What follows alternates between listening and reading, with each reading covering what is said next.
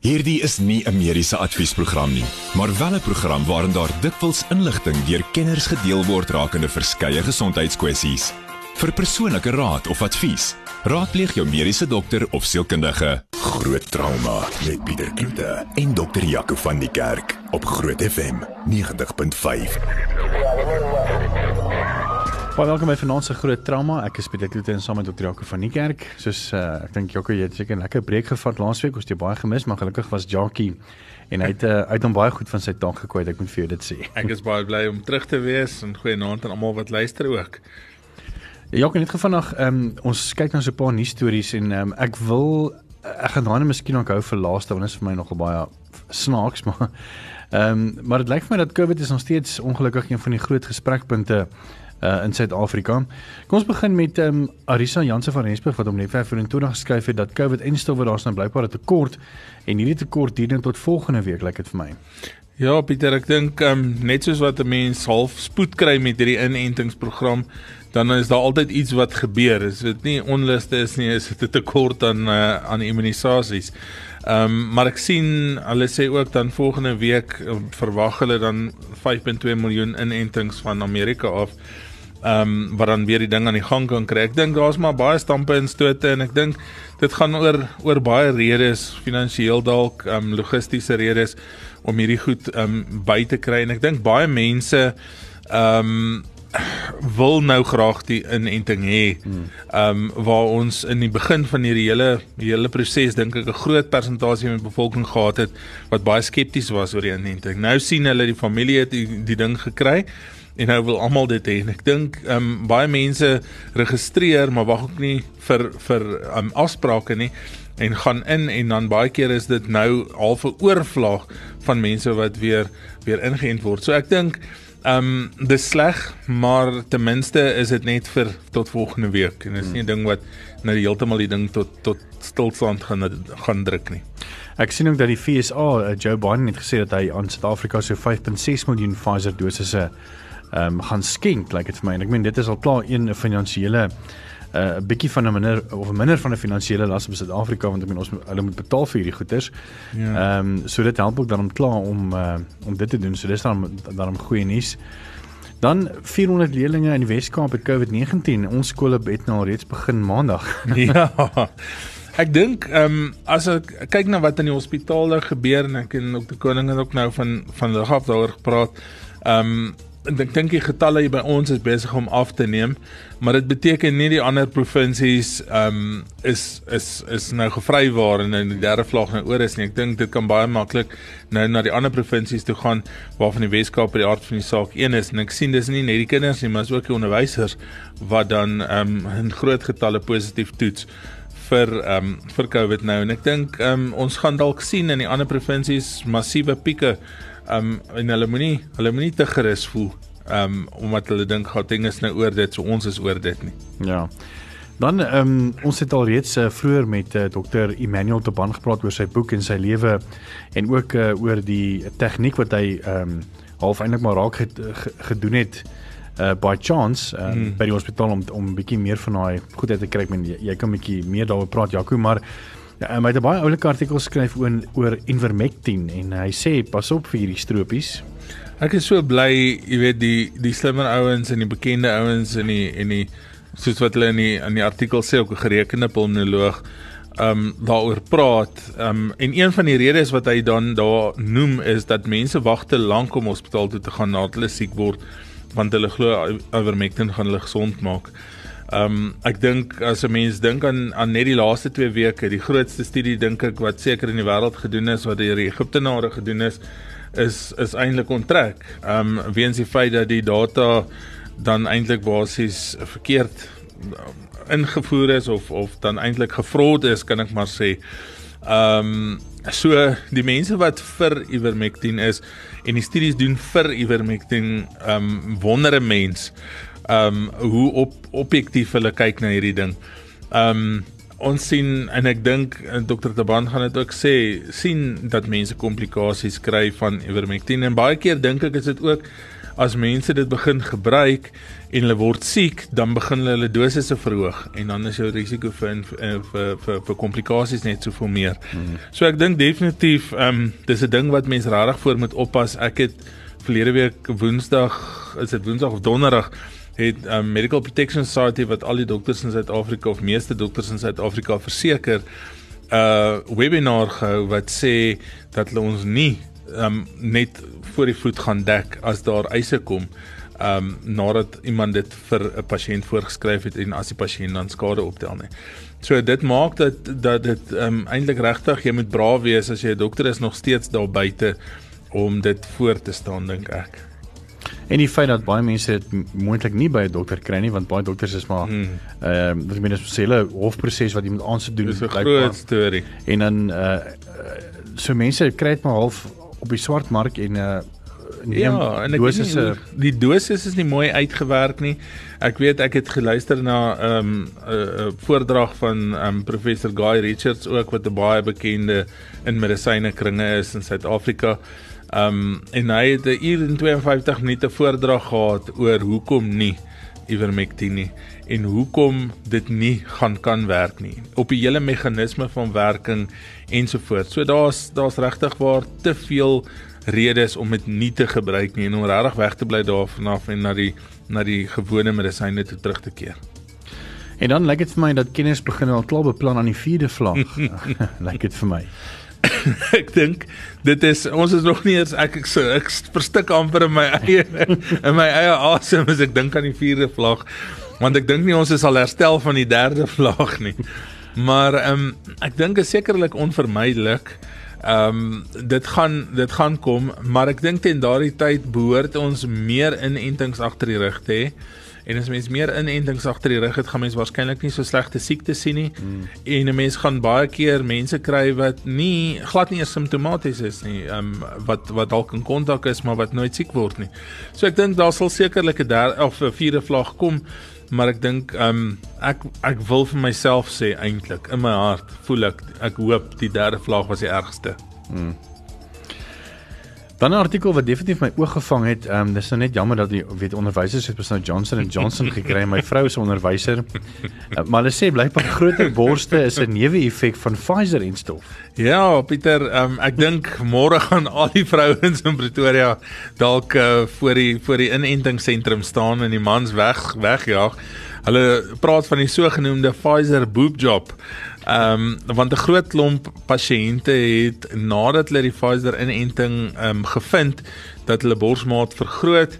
Ehm um, vroulike pasiënte uit die aard van die saak, maar ongelukkig lyk dit asof dit net ehm um, die limfkliere of die limfnodes is wat vergroot en dis tydelik en dis maar deels ook baie keer wat gebeur na immunisasies as mense immuunstelsel respondeer op 'n immunisasie dat ehm um, dat die limfkliere kan vergroot en dis wat die borsmate vergroot. So ongelukkig is dit nie 'n 'n permanente oplossing vir die probleem nie.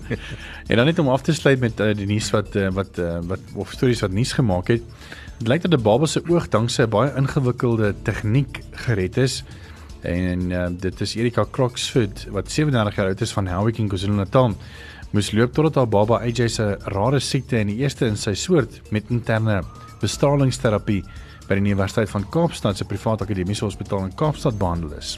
Ja, Pieter en ek dink dit is waar waar mens weer moet sê 'n ma se instink moet 'n mens nooit in twyfel trek nie. As 'n ma vir jou sê haar kind is siek, dan sal kind siek waarskynlik. Jy moet net gaan soek waar en en en wat fout is. Um hierdie ma het eintlik net 'n uh, 'n letseltjie op die kind se wang en ehm um, toe 'n verdere letseltjie ehm um, op die vel opgemerk. Meeste dokters het net vinnig daarna gekyk, gesê dis alright, daar's niks anders nie.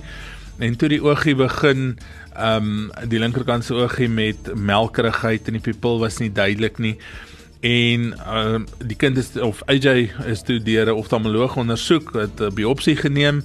Ehm um, en hulle het 'n uh, kindersiekte xanthogranuloom by hom gediagnoseer wat dan ook sy oog aangetast het wat dan behandel is met 'n um, vorm van bestraling wat eintlik die eerste in sy soort is um, by die Universiteit van Kaapland of van Kaapstad En ehm um, ek dink dit is ongelooflik dat die instink van 'n ma regtig haarself ge gedruk het om nog en nog en nog mense te gaan sien totdat sy definitief 'n uitkoms en 'n in 'n naam vir die kind se siekte gekry het. So ehm um, ek wil nou nie sê almal wat se babatjies ehm um, letseltjies op die vel het moet nou moet nou ehm um, slaaplose nagte hê nie, maar definitief is dit in jou in jou gemoed is dat dit vir jou voel iets is fout met jou kind gaan soek gaan soek hulp. Ehm um, al gaan dit verby 'n paar spesialiste ehm um, erns langs die pad gaan jy dalk jou antwoord kry.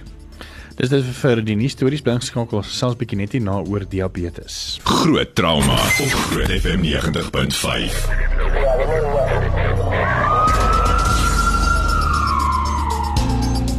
Ek weet ons nou nie baie veel meer wat mense kan sê oor diabetes nie, maar ek dink weet omdat almal ons nou maar reeds bewus is van hierdie ehm um, kan mense dit disease noem Jaco? Ja, dis 'n siekte en ek dink is een van die groot siektes van die wêreld. En ehm um, ek dink daar's tog baie wat 'n mens daaroor kan sê. Ek dink is een van die meer komplekse siektes ook. Ek dink as jy diabetes verstaan, verstaan jy waarskynlik medisyne want daar's baie goed wat ek self nie verstaan nie. Wat seker nie veel sê nie, maar maar daar's baie daar diabetes is eintlik 'n komplekse siekte en met al die komplikasies geassosieer met diabetes Ehm um, is dit regtig waar een van die van die groot groot siektes dink ek in ons land.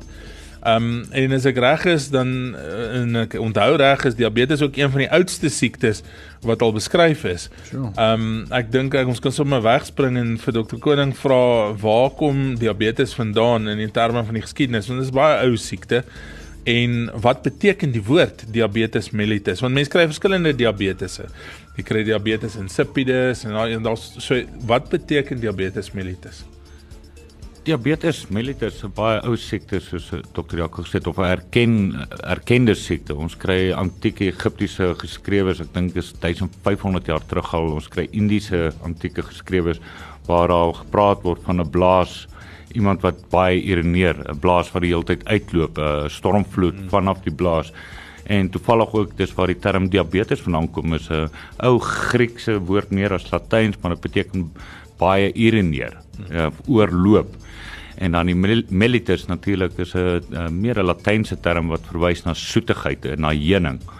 Ehm uh, en dis die interessantheid en ek dink op vanaand se gesprek ook uh, toetsings in die verlede wat gedoen was in Indië byvoorbeeld is die persoon gevra om te urineer op die grond en dan's daar gekyk of dit mure lok en ehm um, ander kulture weer is die pasiënt gevra om sy vinger in sy eie urine dis opgevang en hy moes um, sy vinger aflek. en as hy 'n soetigheid kom proe, ongelukkig was daar kulture waar die dokter die proewerk moes doen maar ek bly um, ons het nou ons het nou daar in die 21ste eeu. Maar in in beginsel dan die term diabetes beteken baie urinering en dan mellitus soetigheid um, in in die urine. Kan mense dit ook ruik as iemand diabetes het?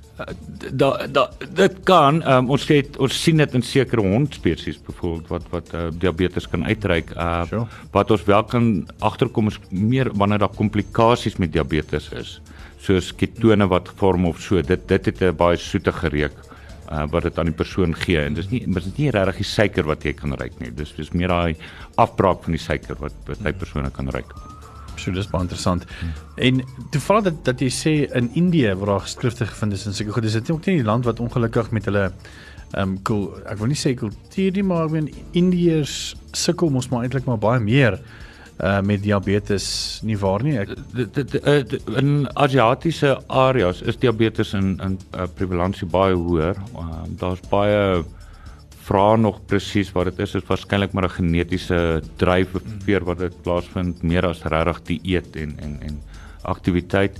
Uh ons sien dit reg oor die wêreld ook hoe meer verwesters nasies raak, uh veral derde generasies na die Tweede Wêreldoorlog begin diabetes mellitus sy kop ook weer uit te steek en 'n insidensie te verhoog. Dis wat dokter Jaco ook genoem het, is baie faktore. Dis diabetes mellitus per se is eintlik net 'n sindroom wat geassosieer is met 'n hoë suikervlak.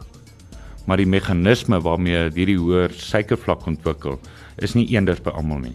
Inteendeel, ons deel dit eintlik in 3, eintlik 4 hoofgroepe op waarvan ons almal natuurlik die tipe 1 en die tipe 2, die tipe 2 is natuurlik 90% meer van diabetes pasiënte is meer ons volwasse aanvang. Ons assosieer dit meer met metabooliese siektes, met oorgewig, onaktiwiteit, dieet en dis meer waar ehm um, uh tipe 1 dan is persone wat van die begin af as hulle in, insulien afhanklik is meer in ons jonger persone aantoonbaar. Maar ons het ook 'n tipe 3 en 'n tipe 4. Ehm uh, dit hang af wat se literatuur mens gebruik, maar tipe 3 gewoonlik vir is verwysend daar's 'n ander siekte wat die suikerwaardes laat opskiet. COVID is baie goeie voorbeeld. Hmm. Ons sien dit Dr. Jaco. Hmm. Ek ek sit nou en wys vir. Jaco 'n bloedresultaat. Ek het gisteraand 'n man opgeneem met met 'n COVID infeksie en sy suiker was 75. Sure. Dit is dis, En ek dink om dit net in perspektief te sit, 'n normale ou so by 5 4 4 5 is is 'n normale suiker en as 'n mens nie vasdend is nie en mense diabetes um, per definisie moet jou suiker 11.1 of hoër wees. As mens dan dink aan 75, dan is ongelooflik. Mens dink nie eers iemand kan leef met so so suikervlak nie. Ja. Nou laastens is daar tipe 4 en hierdie hier is gereserveer vir swanger vroue. Ons sien 'n uh, 'n uh, uh, variasie van suikerversteuring in swanger vroue en um, dis in die swangerskap self en dan sal mense natuurlik opvolg op 'n post-swangerskap implikasie ook op die persoon het. Ek sou graag wil terugkom oor die interessante feit wat jy nou gesê het oor COVID-19 pasiënte oor een wat nou uh letterlik sy suiker 75 was.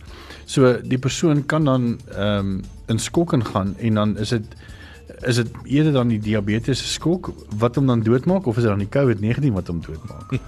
ek dink ek dink is die COVID wat die suikers mm. opjaag. So die oorsaak van dood is COVID. Primêr. Natuurlik die die meganisme waarmee COVID dan sou sê daar was nou afsterwe weens komplikasies mm. van hoë suikers. Ehm uh, dan sal mense natuurlik sê ja, dit was die meganisme, maar dit was COVID wat die meganisme aan die gang gesit het. Mm. En behandel hulle dan so pasiënt dadelik met insulien of is dit is dit al klaar te laat dan as dit Nee, nee, nee, jy spring in. nee, nee, ehm um, hierdie hierdie is 'n is 'n is 'n gelukkig nie 'n algemene akute uh, komplikasie van diabetes nie, maar 'n toestand wat ons noem 'n hiperosmolare non-ketotiese ehm um, staat van van diabetes word geassosieer gewoonlik met multi-orgaan besering en en inkorting. Ehm uh, word ook dan geassosieer baie maal met 'n koma beeld en en dan 'n verstoring van breinfunksie want die brein swel letterlik van hierdie suiker wat so hoog is. Ja. En um, dit moet onmiddellik hanteer word. Ons hanteer dit met baie vog. Daar is 'n baie swak komponent van dehydrasie by hierdie pasiënte. Mm. Weer vir dieselfde rede. Die rede hoekom diabetes so baie urineer is by non-diabetiese pasiënte is daar meganismes om nie suiker in die urine toe te laat nie. Mm. So word altyd teruggebring suiker, ehm um, u kan 'n uh, eksperiment vanaand doen, gaan gooi 'n bietjie suiker op die tafel en sit 'n druppel water langs hom en gaan kyk stadig aan hoe hmm. trek daai suiker ons osmoties die water na dit toe. So as daar uh, in diabetes waar dan net eintlik plaasvind, die suiker is so hoog, dit word letterlik in die urine uitgedruk. Wanneer dit in die urine is, trek dit nog meer vog in die urine in en daarom die verhoogde volume van van urine.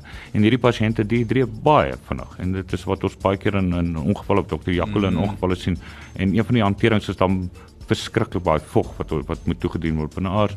Tweede meganisme natuurlik, jy wil onmiddellik hy suiker begin beheer kry, wil jy metabolisme weer aan gaan kry en daarvoor het jy insulien nodig. Dink hier belangrik vir die publiek om te verstaan, ons liggaam het nie insulien geskep eendag om suiker mee te beheer nie. Insulien is eintlik 'n groeihormoon. Maar wanneer insulien afgeskei word, wanneer die liggaam dink groei kan plaasvind, dan sal dit insulien afskei en dit sal dan suiker in die selle intrek want suiker is nodig om groei en verdeling van selle selle en die goedere te kry. So eintlik wanneer jy suiker siekte het, wat ook al die rede rondom insulien, het jy eintlik 'n verlies van hierdie groeihormoon effek. En dit is baie keer waar persone dan begin probleme kry met metabolisme want die selle kan nie lekker verdeel nie. Hulle is nie gesond nie. Hulle metabolisme raak versteur. Dit is ook een van die gevaartekens by baie diabetes. Die persoon is oorgewig. En dan sal jy vir jou sê ja, maar die laaste 3, 4 maande het ek nog gewig verloor. Hmm. En die rede is is eintlik die afwesigheid van die groeihormoon effek van insulien hmm. wat die gewig verlies. Dit was nie dit was nie die lewenstyl of die lewenskeuse of 'n uh, goeie geluk wat iewers gelukkig gewig verlies dan aangebring het. Tyd vir Jaco se mediese minuut, maar net voor ons daarby uitkom, onthou asseblief ons het 'n uh, eh, vraag vir Jaco so aan die einde van die program. As jy enige mediese vrae het, dit hoef nie verband te hou met ons onderwerp nie, kan jy dit graag stuur na ons WhatsApp nommer toe na 061 610 4576 en onthou standaard tariewe geld. Ons praat vanaand oor diabetes en ehm um, dis net gepas dink ek om ehm um, 'n diabetiese mite net in die nek in te slaan. Ek dink baie mense sê al mense ken of self um, by die dokter aankom en sê ek het diabetes ontwikkel nadat ek 'n groot skok gekry het of van die skok het ek diabetes ontwikkel.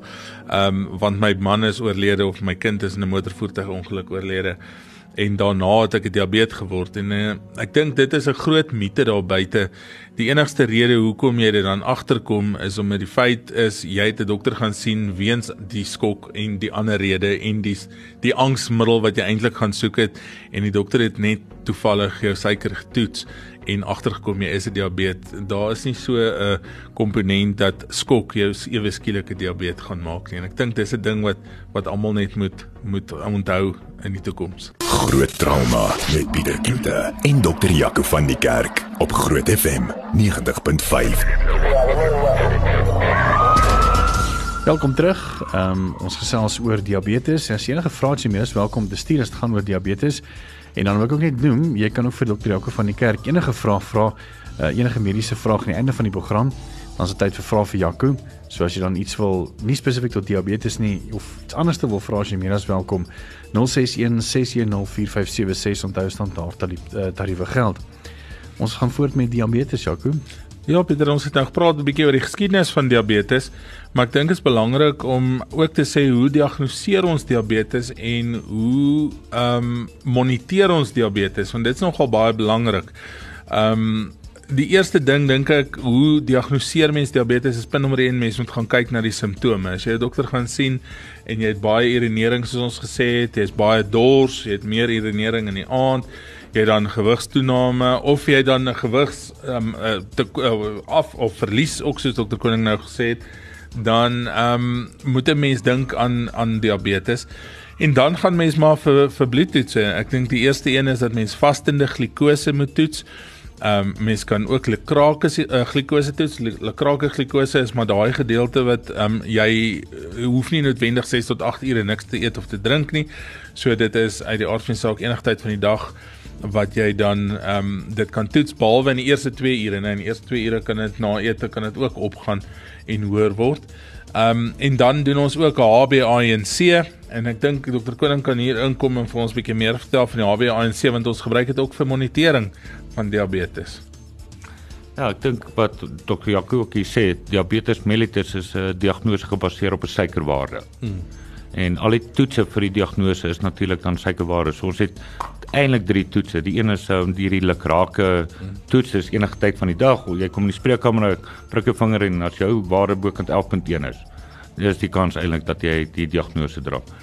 Die die vaste een natuurlik meer betroubaar. Ehm uh, meeste dokters sal dan natuurlik 'n vaste een ook later vra en dis waar jy dan vir 'n rukkie nie eet of drink nie. Jy word getoets. As die waarde daarbo kan 7.7 is, dan is dit natuurlik uh, diabetes mellitus. 'n baie uh, sensitiewe toets en ons reserveer dit meer vir ons metabooliese pasiënte. Is een wat ons noem 'n 2 ure glikose toleransie toets wat ons basies eintlik uit hierdie toets uit leer is die persoon is ook vastend. Hulle word dan gekonfronteer met 'n suikermengsel en ons kyk eintlik metabolies hoe reageer hulle daarop. So vir die, die oor die 2 ure periode word hulle suiker kort kort gemeet. Natuurlik as die waarde dan ook hier bokant 11.1 gaan veral na die 2 ure ware dan dink ons aan suiker siekte. Hierdie toets gee ons ook dan net 'n indruk natuurlik van insulien afskeiding en funksie en dis meer. So ons leer bietjie meer maar dis meer uit ons metabooliese pasiënt. HbA1c is eintlik 'n baie interessante toets en en ek wil by hom vir vir 'n rukkie stil staan want ek dink hierdie is die mees belangrikste een in in uh, diabetes mellitus. Dis nie 'n toets vir diagnose nie. Dis is uh, hy's ontwerp vir monitering doeleindes diabetes mellitus hierdie suiker ek ek een van die wyse waarop dit langtermyn komplikasies vir ons gee. Ek dink mense moet daaraan dink aan 'n aan 'n koffiekoppie waarin daar suiker was. As jy nie daai koffie gedrink het nie, jy gooi hom uit, dan kan jy hom net uitspoel en jy gaan bær hom. Ehm um, die suiker is ook weg. Mm. Maar gaan los na daai koppie vir 2, 3 dae daar en dan begin daai suiker so mooi kristalrand daar sit te maak. Nou moet jy sunlight seep ingooi. Nou moet jy skrob om daai suiker uit te kry want die suiker het gekristalliseer. Hierdie is ook 'n meganisme dan in die liggaam waarop suiker siekte langtermynprobleme gee. Letterlik omdat die suikervlak so verhoog is en vir so lank verhoog is, begin dit aan weefsel en proteïene en dies meer en dies meer te kristalliseer. en jou immuunstelsel, jou metabooliese stelsel sukkel nou om daai suiker verwyder te kry. En oor tyd soos wat dit aangaan, dan begin uh, langtermyn komplikasies uh, in te tree. HbA1c is dan eintlik 'n toets vir hierdie meganisme. Ons weet rooi bloedselle leef so vir 3, eintlik 4 maande dan in bloedstroom, so ons haal hulle uit en ons gaan kyk letterlik hoeveel suiker het gekristalliseer aan hierdie rooi bloedsel. En ons kan 'n persentasie en hierdie persentasie gee vir ons 'n indruk van wat was jou gemiddelde suiker die laaste 3 tot 4 maande. Hierdie hierdie het dan prognostiese implikasies. So ons weet as ons dit so naby as moontlik aan 'n non-diabetiese ware kan hou, is die kans vir langer termyn komplikasies natuurlik ook baie soortgelyk aan 'n non-diabetiese persoon. Natuurlik hoe meer hy uitgeskiet is, hoe meer natuurlik is die kans dat langer termyn komplikasies kan intree. Omdat hy uh 3 tot 4 maande aanduiding gee, elke 4 maande wil ek mense aanmoedig met diabetes mellitus om hierdie toets ten minste 2 keer 'n jaar te laat doen. Dit is die dis waarskynlik die heel belangrikste toets wat 'n diabetes kan doen, behalwe dan tuismonitering self wat met hulle vinger prik. Ja, ek dink as 'n mens as mens nou aangaan en um, ons het ook nou van die lig af gesê al die studies wat daar op diabetes um, en diabetes pasiënte gedoen is, uh, het getoon dat mense wat diabetes het beter kontroleer en beter doen en minder komplikasies het as hulle deel word van so van so 'n studie. En ek dink aan die een kant is dit is dit omdat die mensdom se se neiging is dat as iemand jou opcheck die hele tyd dan gaan jy dalk um, in jou spore trap en jy gaan doen wat jy moet doen. Ehm um, maar daar is 'n groot uh, komponent dat jy ook jou dokter gereeld moet sien om jou diabetes te moniteer en ek dink daar's 'n klomp toetse wat 'n mens eintlik ehm um, soos dokter Koning nou sê die HbA1c maar daar's ook ander toetse wat 'n mens saam met jou diabetes monitering moet doen. Ehm um, en ek dink hy kan vir ons van dit ook bietjie meer vertel want uh, jy kan ook nie net na die suiker kyk nie jy moet ook gaan kyk diabetes is 'n multi-orgaan siekte dis 'n ding wat alles aantas as dit as dit ehm um, ongekontroleerd is en ek dink 'n mens moet kyk na ander goed ook. Ja. Ja natuurlik. Ek uh, ek ek gebruik nou die HbA1c toets want dit forceer jou om dan twee keer 'n jaar by jou dokter onthou jou voorskrif vir 6 maande lank. So mm. Ek ek stel voor elke keer wat jy 'n nuwe voorskrif gaan kry, moet dit nie telefonies doen nie. Mm. gaan gaan doen hierdie bloedtoetse, gaan sit vir die dokter en, en laat die dokter kyk. Uh want dis hoe jy ook hierdie interaksie gaan natuurlik dan 'n beter beheer sit selfs met tuismonitering as jy gaan net elke oggend gou jou suiker kyk wanneer jy wakker word, net daai kyk al klaar maak dat jou suikerbeheer beter gaan wees. As jy na ete nou en dan net gaan kyk, jy gee so 'n uur of 2 ure na ete en jy kyk maar wat doen my oggendete, wat doen my aandete, wat doen my middagete, hoe lyk dit voor slaap, net so nou en dan. Daai alleenig leer jy ook oor jouself maar dit verbeter ook jou jou beheer want jy kom nou agter maar weet jy as ek slap skyfies eet hardloop hy rond jy weet saterdag mm. by loftes mm. alhoewel loftes seker ek weet nou nie of hy nog bestaan na covid nie maar ehm um, jy weet as ek daar is jy weet dis wat my suiker doen maar soos dokter Jaco noem um, baie tereg uh, suiker siekte is nie net 'n siekte van suiker nie dit is 'n multisisteem aantasting wat oor tyd degeneratief optree en dan 'n uh, ingeperkte lewensverwagting en 'n lewenskwaliteit aan persone gee. So daar's ander toetse. Vir my, ek sal voor een keer 'n jaar, een keer in 2 jaar gaan kyk na ander risiko's ook vir hart en bloedvatsiekte want hierdie is die grootste teken van suikersiekte. En die mense moet dit ook begryp. So, moenie laat cholesterol jou onkant vang nie. Moenie laat hoë bloeddruk jou onkant vang nie. Moenie laat sigaretrook jou on, onkant vang nie. Oorgewig en dis meer. So gaan kyk na al daai goeters, gaan toets jou liggaamsmassa indeks by by by 'n dieetkundige. Gaan kyk na jou dieet. Gaan toets jou cholesterolprofiel een keer per jaar, dalk een keer in 2 jaar ehm uh, skildklier gaan kyk dit een keer per jaar dalk een keer in 2 jaar. Daar is 'n assosiasie met ander kliersiektes sowel as pankreas siektes. Ehm uh, so is baie keer wat ons sien dit gereeld. Die persoon het nou suiker siekte en later het hulle skildklier siekte of hulle het 'n kalsiumprobleem en dis meer. Ehm uh, ek sal aanraai alle diabetes om so een keer per jaar 'n EKG te laat doen. Wees versigtig. Diabetes partyke baie minder gevoelig oor hulle hart. Jy's weens senuwee-aantasting rondom die hart. Hulle kom baie keer by ons aan met abnormale hartritmes of uh, baie swaar verstoring en ons kan eintlik sien maar mag dalk kroonslagaar siekte en dis meer wees. Uh my diabetes ek raai hulle aan so een keer 'n jaar, een keer 'n twee jaar kom by 'n oogkundige. Um, die oogkundiges kyk baie keer in die binnekant van die oog, neem foto's, gaan kyk of daar nie al bloedvat siekte binnekant die oog is nie. Onthou die die enigste plek regtig op jou liggaam wat jy 'n slagaar kan raak sien met die blote oog van buite af is deur die oog. Hmm, so. Interessant genoeg. En um, die oogkundige kan baie vinnig optel. Hierso is probleme, jy weet, dis al klaar verkalking van die are of of um, verstreping van die are en die goeters en hierdie gee vir jou indruk hoe lyk dit dan sistemies. Uh ander aspek uh erektiele disfunksie, uh, baie algemene simptoom by diabetes vir baie redes. Natuurlik die diabetes self is 'n vaskulêre siekte, maar dan ook die medikasie, die hoeveelheid medikasie wat die persoon. Maar kom by 'n uroloog. Want baie keer daai ehm um, aardsiekte wat wat dalk betrokke mag wees, mag by jou hart ook 'n uh, 'n uh, siekte wees. En ehm um, so moenie skaam wees nie. Diabetes moet regtig nie skaam wees nie. Kom gereeld by kundiges. Ander ding is voete. Ons sit te veel bene af. Ons sit regtig te veel voete. Diabetes kry baie probleme. As jy sien jy het 'n letsel, en hy wil nie lekker gesond word en dit toon al lyk nie mooi nie. Kom by 'n pediater, 'n voetkundige. Laat iemand vir jou kyk. Ehm uh, neem neem neem deel en hoe meer jy deelneem natuurlik hoe beter gaan jou beheer, hoe beter gaan jou uitkomste en hoe beter geleentheid skep jy vir ons om in te tree. Hier kan ek kritiek eintlik teen medisyne ook inbring. Uh ons ons praat net baie gemaklik mm. en jy weet dis die pasiënt se onus, dis die pasiënt se verantwoordelikheid. Mm.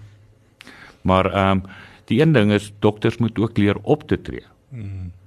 Jy kry nou 'n nierfunksie net bietjie inkorting. Jy kry HbA1c en jy weet 'n persoon is nie waar hy moet wees nie. Tree op. Dit help nie ek sê vir jou kom weer terug oor 6 maande nie. Mm -mm. Hmm. Jy weet dit is dit hierdie moet dan 'n ding wees. Luister, jy het nou 2 weke, 3 weke. As dit nie reg is nie, moet ons aanpas, ons moet ons ingrepe en die goeders maak. So, dis interessant.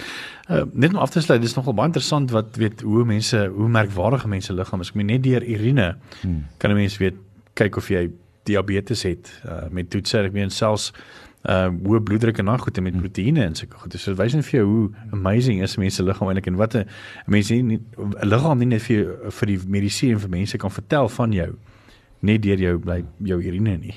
Ja.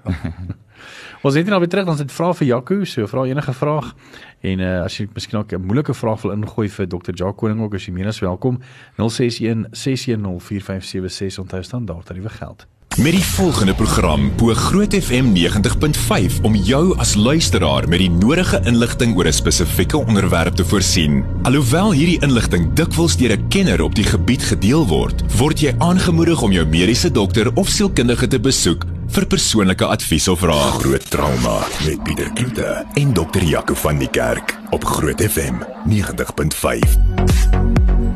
Right, dis tyd vir vrae vir Jaco op GDF 90.5. As jy nog enige vrae het, laat weet vir ons by 061 610 4576 onthou standaard tariewe geld.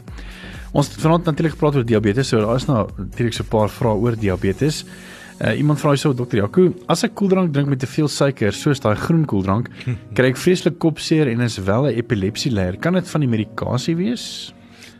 Ek dink nie dis regtig van die medikasie vir epilepsie wat vir die hoofpyn gee as jy die koeldrank drink nie. Ek dink baie keer met die koeldrank met die hoë suikerinhoud kry jy erg verhoogde suikervlak vinnig direk na jy die ehm um, of glikose vlak direk na jy die die koeldrank gedrink het. Jou liggaam gaan reageer daarop, meer insulien ehm um, gaan vrygestel word en jy gaan 'n vinnige val of verlaging kry in jou glikose vlak wat vir dan hierdie simptome kan gee. Party mense praat ook van hierdie moegheid wat hulle kry as hulle hoë energie, hoë suikervlak ehm um, of kos ook in, of of lekkernye in, uh, ingeneem het. Ehm um, so nee, ek dink dit is maar net daai vinnige stygings in die glikose direk na die die inname van die, die groen koeldrank.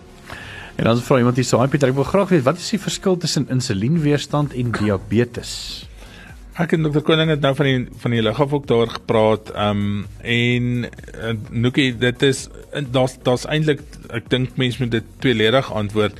Insulienweerstandigheid kan dan by babas 'n siekte wees waar ehm um, daar glad nie uh, effek is van die insulien nie en dan meer by by die volwassenes en ek dink dis wat sy eintlik bedoel is insulienweerstandigheid is 'n beskermingsmeganisme van jou liggaam ehm um, waar jou liggaam dan 'n verhoogde insulienproduksie het om jou glikose onder beheer te hou om nie die komplikasies van diabetes te kry nie. Maar ek dink tog as mens insulienweerstandig is, is daar ehm, 'n um, baie groot kans en ek dink jy moet baie beter um opgevolg word om die um totale tipe tipe 2 diabetes te ontwikkel.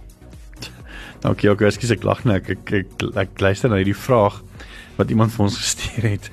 Uh, hulle sê daar's 'n nuwe mode in die dorp waar ek bly. Al die ou tannies het vapes. Nou as 'n tiener sien ek dit baie onder kinders in die dorp ook. Wat se invloed gaan vape hê as jy COVID kry? Sal dit jou negatief beïnvloed of sal dit geen verskil maak nie? Dankie vir daai vraag. Ehm um, ek wil net noem ek Jaco ek sien daar was ook vroeër hierdie week uh, of althans vandag 'n artikel gewees op Netwerk 24 waar die Wêreldgesondheidsorganisasie baie besorg is oor jonges wat e-sigarette rook. Uh, ek dink hulle moet hulle studie uitbrei na oumas en oupas ook, maar ja, ek hoor ek hoor in Suid-Afrika is dit 'n mode onder die ou tannies. ek wonder wat is die ou tannies se definisie vir hierdie betrokke vraag. Ja. Maar in elk geval, nee, ek, ek dink of jy vape en of jy wel, dokter Koning kan kan meer daaroor sê, maar ehm um, uiteindelik gesien dat rokers beter doen. Mense moet dit nie oor die radio sekerlik sê nie wat COVID kry. Maar ek dink vape as sulks is 'n chemiese is 'n chemiese middel wat jy inneem en enige chemiese ding in die long gaan vir jou 'n effek gee.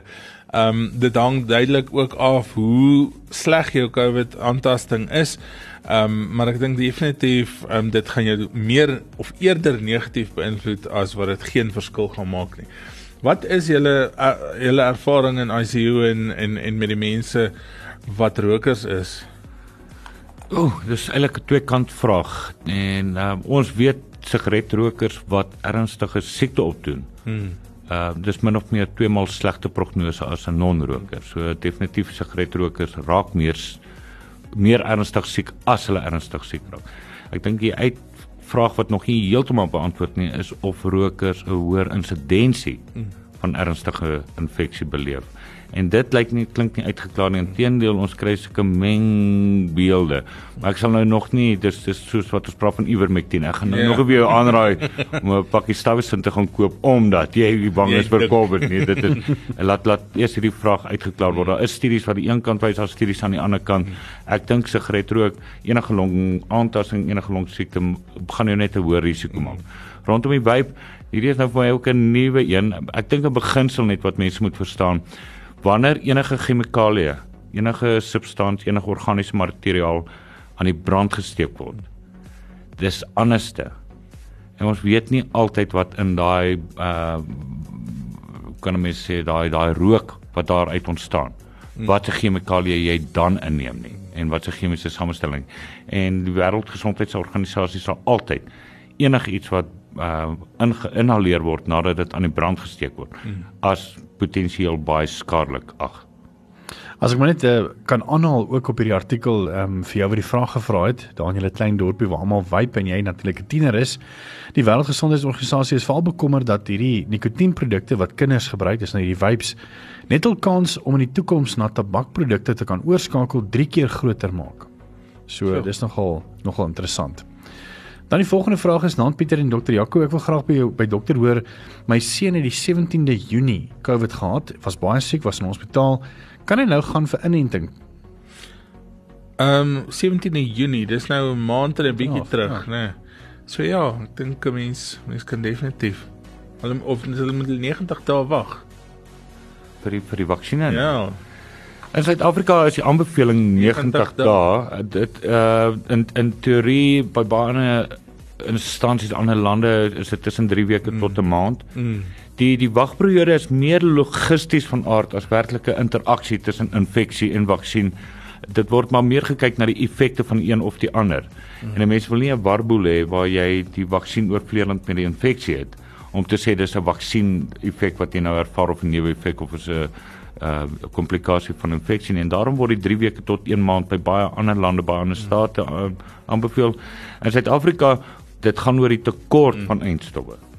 En dis waar die 90 dae kom. Dis nie dis nie 'n interaksie met die infeksie nie, die vaksin nie. Dis letterlik ons weet die meeste persone geniet 'n ten minste 4 maande post-infeksie immuniteit. Mm. So uh, uh, dit word gereken hulle is nie die prioriteit vir vaksinering nie, liewer die persone wat nog nie infeksie gehad het nie. Hmm. Gee vir hulle die beskerming van die vaksines. Daar is denke daaroor of dit nou regtig gedoen moet word of nie, maar dis wat in Suid-Afrika gedoen word. Baie interessant. Dan anoniem vra naand Dr. Jacob, uh, hier is 'n lank vraag vir dokter. Ek het begin Julie COVID opgedoen, maar was na 'n week weer so te sê gesond. Ek het verlede week donderdag en Vrydag ehm um, elke dag tussen donderdag en Vrydag 'n ligte hartaanval gehad. Kardioloog het gesê dit is bloedklonte as gevolg van COVID. Nou hier is my vraag. Na die prosedure het hulle my in die COVID ICU gesit omdat ek nog positief getoets het, al het ek nie meer simptome gehad nie. Kan ek nou weer COVID simptome kry want die mense om my was maar regtig baie siek? Ja, ek dink ehm um, Dr. Koning het eintlik nou net daai vraag geantwoord. Ehm um, as 'n mens dan COVID het, is dis een van die komplikasies van COVID is eh, koronêre infarksies of hartaanvalle. Dis een van die goed wat maar wat ons sien en wat gebeur. En die antwoord op kan sy weer COVID kry nou is is nee. Ehm um, sy het nog steeds positief getoets en ehm um, mens ervaar eintlik dan ook beskerming na die tyd ehm um, sou jy dan nou nie meer infektief wees nie. Ehm um, het jy nog steeds beskerming na die tyd na jy COVID gehad het. So nee, ek nie sy moet bekommerd wees dat sy weer gaan siek word nou nie. Hier's vir nog 'n baie interessante vraag. Ehm um, dit kom ook daar uit die Kalahari of die Karoo uit. Uh, sy vra my dogtertjie is super allergies vir bye en neute. Maar kon nog altyd vir een of ander rede grondboontjie botter of selfs weer daai lekker ehm um, sjokolade grondboontjie ene wat duur is eet sonder enige allergiese reaksies. En sy het verlede week ook grondboontjie botterbroodjie geëet en binne 'n minuut het haar lyfie uitgeslaan en rooi kosse en haar bors was benoud. So hoe werk dit? Beteken dit nou dat sy al hoe meer kossoorte gaan moet begin vermy? Ek dink nie mense gaan al hoe meer kossoorte hoef te be be begin vermy nie. Ek dink 'n mens moet besef dat 'n mens enige tyd 'n allergie kan opdoen of um allergies kan reageer ten opsigte van 'n produk of 'n voedselsoort. Uh, Ek dink 'n belangrike ding is uh, dat um veral grondboontjies is hoog in proteïen en dit is komplekse proteïene en ek dink daai komplekse proteïene maak dat 'n mens eintlik ook 'n meer komplekse allergiese reaksie kan kry. Ek weet nie wat wat sê dokter Koning nie. Ek ek dink wanneer veral met neut uh, hmm. rondwinkie die tipe allergie hierdie hierdie is van ons mees hmm. ernstigste allergie. Ja, um, hierdie moet baie ernstig opgeneem word. Ek dink um, hierdie ma moeder moet haar kind dalk net by 'n dokter en selfs dalk by 'n hmm. immunoloog later. Uh daar is meganismes wat 'n mens baie keer die allergie minder intens kan maak. Mm. Maar ehm um, grondboontjies en neute en die goedere is baie algemene kosprodukte word baie algemeen by kos ingeplaas en ehm um, hierdie is lewensbedreigend en jy moet ingrepe hierdie is iemand wat dalk moet oorweeg 'n EpiPen mm. saam met die kind te stuur is ongelukkig by skole dis baie algemeen wat grondboontjies rond lê kinders deel gou vinnig hulle 'n broodjie maar die broodjie was saam met 'n grondboontjie mm. of daar's ehm um, in die kos is daar 'n uh, uh, uh, neetolie gebruik, jy weet in voorbereiding en die goedere. Is 'n baie gevaarlike allergie en ongelukkige produk wat baie algemeen uh tentoongestel word. Sover ek verstaan in Suid-Afrika is daar nog nie ingrepe om boontjies en en en neute en die goedere uit skool uit hou nie, maar sommige lande byvoorbeeld is dis glad nie toelaatbaar nie, juis om die kinders te beskerm wat allergies is. Maar hierdie moeder moet hierdie allergie baie ernstig opneem. Ek kan onthou, ehm um, dokter Koning was net by die hospitaal waar waar ons werk. Um uit net daar begin en hy was die internis oproep en ek het een aand 'n grondboontjie allergie gehad en my planne het opgeraak. Um ek moet sê dis een van die goed wat ek dink mense die oudste maak. Um en daai aand het ek sy lesing gekry oor grondboontjie allergie. So ek stel voor daai ma bring haar kind dat hy vir vir hulle ook die grondboontjie allergie lesing gee. Maar ehm, 'n um, mens kan regtig waar nogal grys raak as daai mense regtig inkom en jou planne begin al hoe minder en minder en minder raak want niks wil werk nie. Dit is 'n baie baie slegte allergie. Dis dit vir groot trauma vanaand. Dankie dat jy ingeskakel het. Ons is volgende week Woensdag weer saam met jou tussen 8 en 9. Groot FM 90.5